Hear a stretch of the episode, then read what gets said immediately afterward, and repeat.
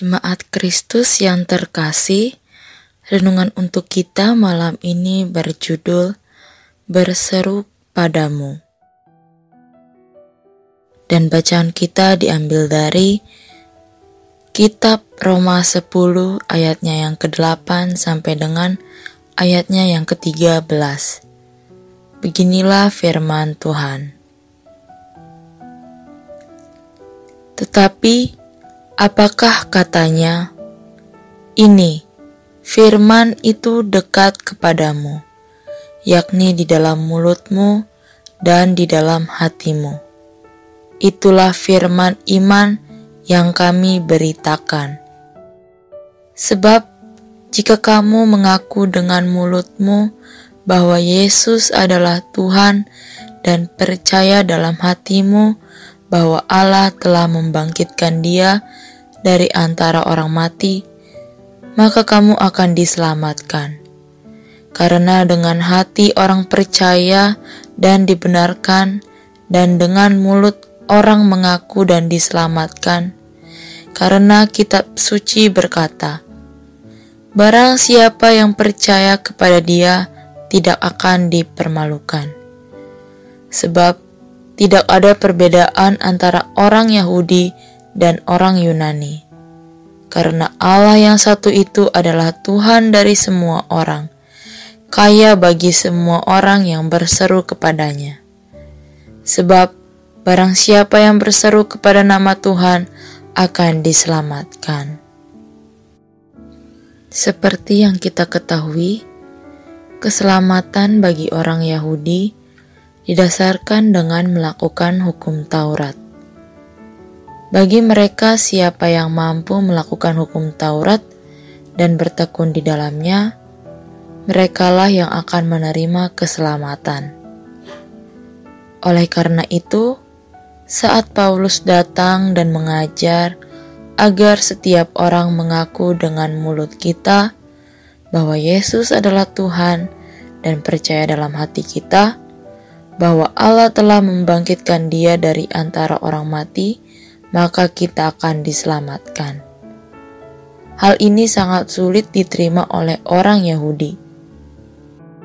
Paulus menunjukkan kesalahan fatal dari orang-orang Yahudi. Rasa giat dan ketekunan mereka dalam mendalami dan mengkaji Taurat justru membuat mereka menjadi buta dan gelap mata akan kebenaran yang datang. Taurat memang dibuat sebagai panduan, namun bukan berarti mereka menutup diri akan kedatangan Mesias. Hal yang sama pun dapat terjadi kepada kita. Mungkin tidak dalam bentuk kepercayaan, tapi dalam soal prinsip dan keputusan-keputusan dalam menjalani kehidupan.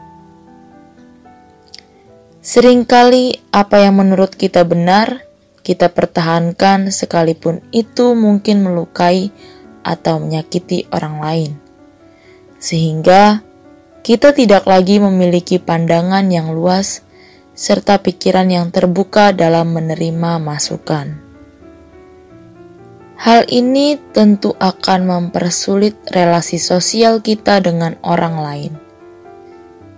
Taurat adalah pernyataan kemurahan Allah yang mewujud penuh dalam diri dan karya Kristus yang menyelamatkan ciptaan.